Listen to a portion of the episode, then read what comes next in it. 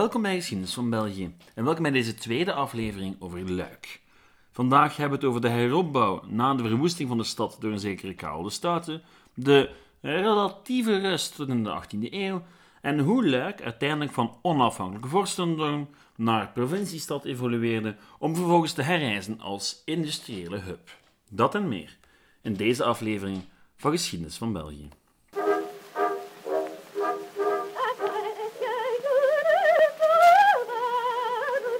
Voor we overgaan tot de orde van de dag, graag even uw aandacht voor wat boekhouding.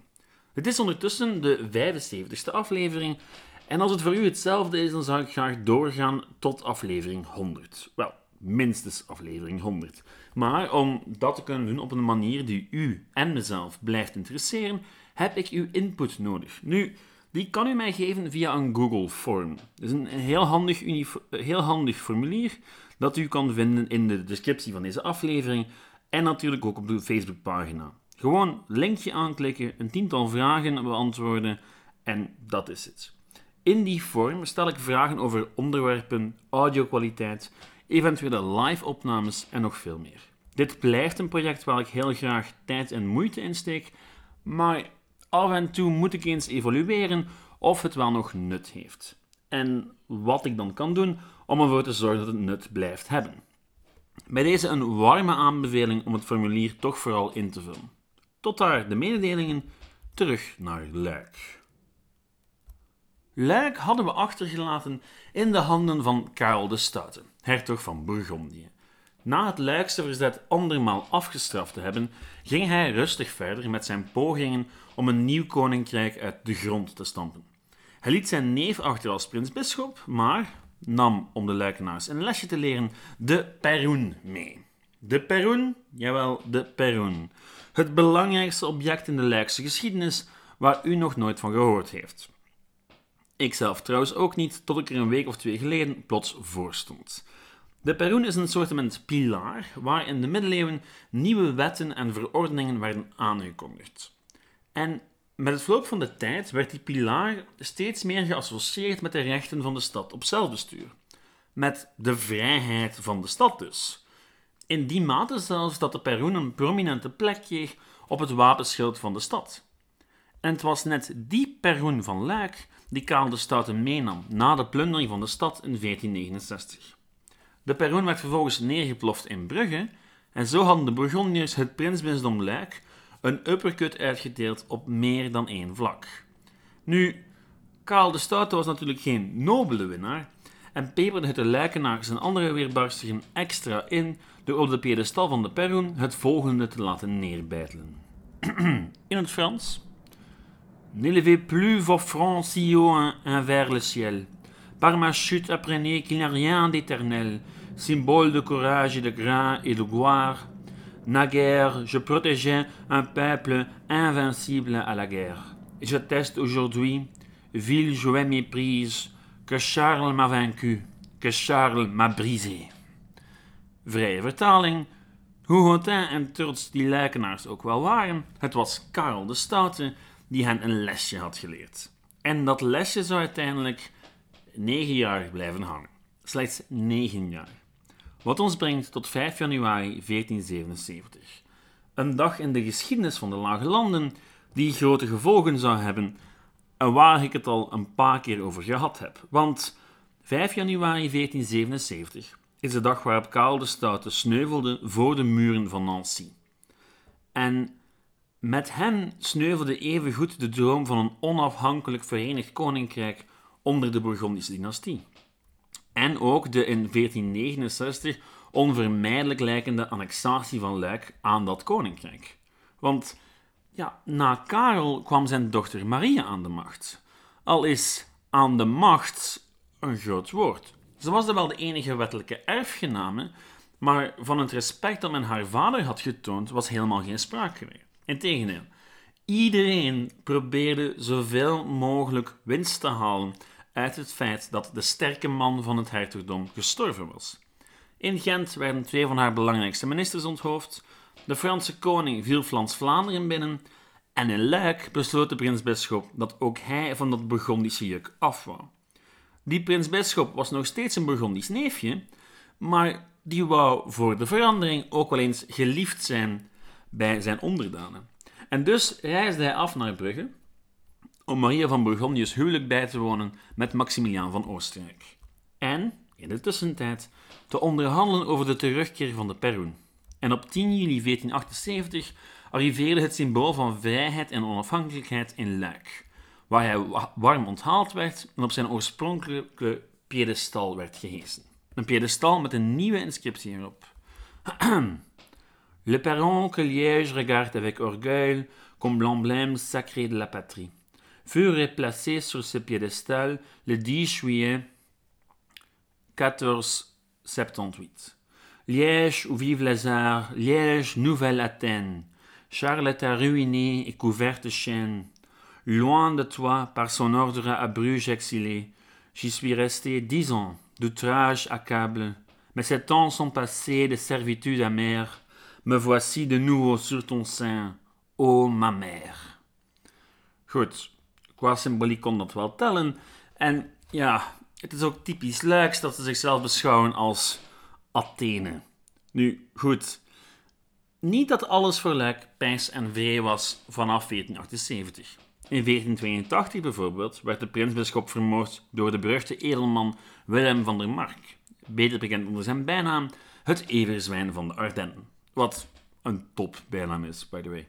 Nu, dat everzwijn probeerde met de steun van de Franse koning de macht te grijpen in Luik. En dat had alles te maken met het machtsvacuum dat de dood van Karel de Stoute gecreëerd had. Nu, de Franse koning zag uiteindelijk zijn kans schoon om zijn grondgebied uit te breiden naar het noorden, en de Habsburgers deden er tegelijkertijd alles aan om de lage landen volledig in handen te krijgen. En zo was Luik een speelbal geworden in het politieke spel van twee grootmachten. Niet zoals in de vorige aflevering een van de vele staten die probeerde de overhand te krijgen, maar echt ja, een kleine speler in een groot spel.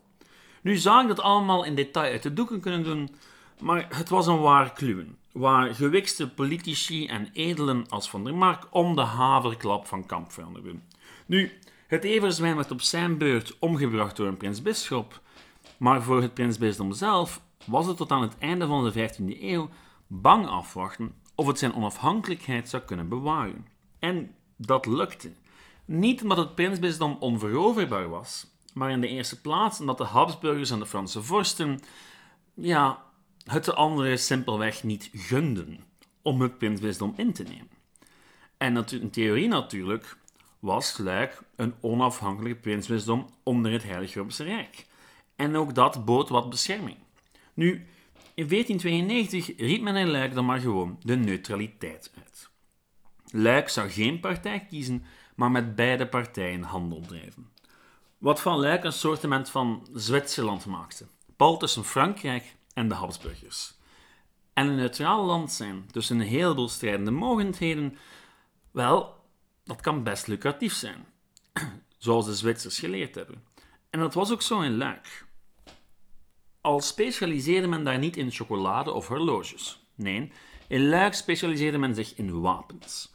Een specialisatie die zich doorzet op de dag van vandaag. Want ja, het is geen toeval dat een van de grootste wapenfabrieken van Europa vlakbij Luik uit de grond werd gestampt. FN Herstal. En dat is een bedrijf dat absoluut zijn eigen aflevering verdient.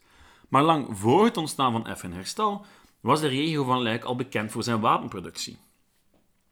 En dat de rest van Europa elkaar met de regelmaat van een klok in de haren vloog, zorgde ervoor dat er aan vraag nooit een gebrek was. Want aan het begin van de 16e eeuw al werd er in Luik weer volop gebouwd. In de eerste plaats door de prins-bisschop, die dankzij de neutraliteit zich voor het eerst in eeuwen vooral met zijn eigen stad kon gaan bezighouden. Het resultaat was een nieuw bisschoppelijk paleis en een stuk meer welvaart voor de stad. Welvaart die enkel toenam doordat Luik een van de belangrijkste handelspartners werd van de Nederlandse Republiek. Want de Republiek mocht dan wel rijk zijn door alle handel met de overzeese gebieden, ze misten een paar essentiële grondstoffen. Grondstoffen zoals ijzer, salpeter, buskruid en ja, alle ingrediënten voor de wapenproductie dus. En Luik werd dus het productiecentrum voor die Nederlandse Republiek, die in een constante oorlog verwikkeld was met Spanje. En die nieuwe nijverheden die brachten heel wat rijkdom naar Luik. Onder meer in de gedaante van de Nederlandse ondernemer Jan de Korte. De Korte, of Curtius in het Latijn, werd zo rijk dat hij uiteindelijk in 1610 een indrukwekkend stadsmuseum liet neerplanten aan de oevers van de Maas. Het is vandaag het redelijk indrukwekkende stadsmuseum Grand Curtius. Nu, dat paleis was dan wel prachtig en Luik mocht zich tegen het einde van de 16e eeuw dat wel hersteld hebben van de plundering door Karel de. Dat wil allemaal niet zeggen dat het allemaal pijs en vree was. Want in de realiteit was er steeds een interne machtsstrijd bezig tussen de burgers en de adellijke aanhangers van de prins-bisschop. Wat resulteerde in een aantal opstanden, tussenkomsten van buitenlandse legers en ander ongein. Nu, naarmate de 17e en 18e eeuw vorderden, werd de kloof tussen adel en burgers vervangen door de kloof tussen arm en rijk. Een kloof die je tot op de dag van vandaag kan zien in Luik door de contrast tussen het centrum van Luik en de wijk die er vlak naast ligt, maar wel op een eiland in de, in de Maas, Outremeus.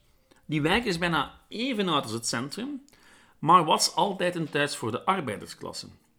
En die spanning tussen arbeiders en burgerij zal uiteindelijk uitmonden in revolutie. De Luikse revolutie. Want Luik mocht dat wel zijn neutraliteit verklaard hebben op het einde van de 16e eeuw. Het was op geen enkele manier een eiland. Politieke en sociale evoluties in pakweg Frankrijk vonden echt wel hun weg naar de stad aan de Maas. Al was er ook zeker een Luikse context. Maar goed, feit is wel dat de Luikse revolutie, of de Luikse omwenteling, zoals in het Nederlands genoemd werd, vlak achter de Fransen kwam. Een maand om precies te zijn. Al was die Luikse revolutie toch ook heel erg Luiks. Er bestaan een heleboel theorieën over de oorzaken ervan. En hoewel vele van de verlichting en de revoluties in Engeland en de VS includeren als invloeden, moet men toegeven dat die verlichtingsidealen in Luik op verschillende manieren omarmd werden. De ene prins-bisschop versoepelde zijn grip op de stad, de andere verstrengde ze weer. En ondertussen veranderde er in de naburige Oostenrijkse Nederlanden ook van alles door de hervormingsdrang van Jozef II. En op 18 augustus 1789 namen de Luikse democraten de macht over. Maar ja, Luik zal nooit echt zijn evenwicht vinden onder het nieuwe regime. En dat lag niet zozeer aan Luik zelf. Eerder aan de wereld rond Luik, die in de laatste tien jaar van de 18e eeuw een ware omwenteling onderging. En Luik was, net als de zuidelijke Nederlanden in deze periode, een speelbal in een veel groter conflict. In 1791 bijvoorbeeld veroverden Oostenrijkse troepen de stad en werd het prinsbisdom hersteld. Om in 1792 al veroverd te worden door de Franse Republiek. En die republiek die stelde de luikenaars voor een simpele keuze. Een zelfstandige republiek worden of aansluiten bij Frankrijk. 50% van de stemgerechtigden stemt uiteindelijk voor en spreken zich uit voor een aansluiting bij Frankrijk. Maar zover zal het niet komen, want in 1793 wordt Luik nog eens ingenomen door de Oostenrijkers en wordt het prinsbisdom nog maar eens hersteld. Tot in 1794 de Fransen terugkomen aankloppen en dat wordt dan het definitieve einde van Luik als een onafhankelijk prinsbisdom. Eentje dat al bestond vanaf 980. En Luik wordt op dat moment niet meer dan een doodgewone departementshoofdstad. Tot de val van het Franse Rijk in elk geval. En daarna begint Luik aan een nieuw hoofdstuk in zijn geschiedenis. Dat van de industriële revolutie. En die omslag, die wordt nog het beste geïllustreerd door wat er in Hartje Luik gebeurde tijdens de Franse periode. Herinnert u zich nog de Sint-Lambertus-kathedraal? U weet wel, de gotische kathedraal waar rond de hele historische binnenstand was opgetrokken? Wel, op het einde van de Franse periode stond er enkel nog een ruïne. Niets afgebrand door een bezetter of beschoten door een, beschoten door een bombardement. Nee, nee, afgebroken. Ze werd afgebroken door de burgers van Luik, met Franse hulp weliswaar, maar het heeft er alles van weg dat het toch vooral de Luikenaars waren die de kathedraal uit de weg wouden, die de kathedraal kapot wouden. En dan ging het niet zozeer om het gebouw, maar wel om de symboliek. Want Luik was tot in 1794 een stad die ja, gebouwd was rond dat prinsbisdom. Rond die figuur van Sint Lambertus en de figuur van de prinsbisschop.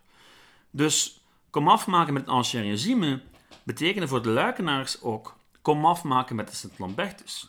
En dus werd een van de oudste en naar het schijnt ook mooiste kathedralen van West-Europa simpelweg afgebroken door de mensen die er altijd rond hadden gewoond. En veel duidelijker kon het signaal van de Luikenaars niet zijn dat het Ancien regime nu echt wel gedaan was en dat zij vooruit waren, worden. En ja, het luik van de 19e en 20e eeuw zou iets helemaal anders worden dan alles wat ervoor was gekomen. Want ja, Luik had al een hele geschiedenis wat betreft nijverheid, maar voor Luik zou het Verenigd Koninkrijk der Nederlanden een nieuwe gouden tijd inluiden. Wel, voor een bepaald deel van de bevolking in elk geval. Want de sociale spanningen die al de kop waren opgestoken in de 17e en 18e eeuw, zouden in de 19e eeuw pas echt ontsporen. Al bracht de industrie de stad ook veel rijkdom. Er werd zich getransformeerd van de, in een van de eerste echt moderne steden van de Lage Landen. Inclusief steenkoolmijnen, fabrieken en haar eigen universiteit. Een seculiere universiteit dan nog. Want de Universiteit van Luik werd net als die van Gent gesticht in 1817 om de liberale bourgeoisie een alternatief te geven voor de toen nog steeds heel katholieke Universiteit van Leuven. En tegelijkertijd kreeg de stad een nieuw gezicht.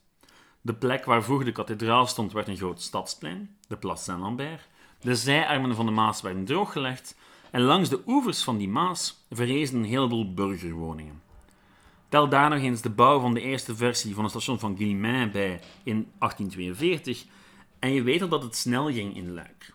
Al was ongelijkheid natuurlijk ook deel van het proces.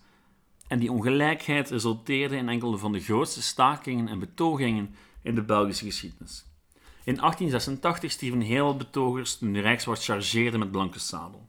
En het resultaat was twee maanden van stakingen.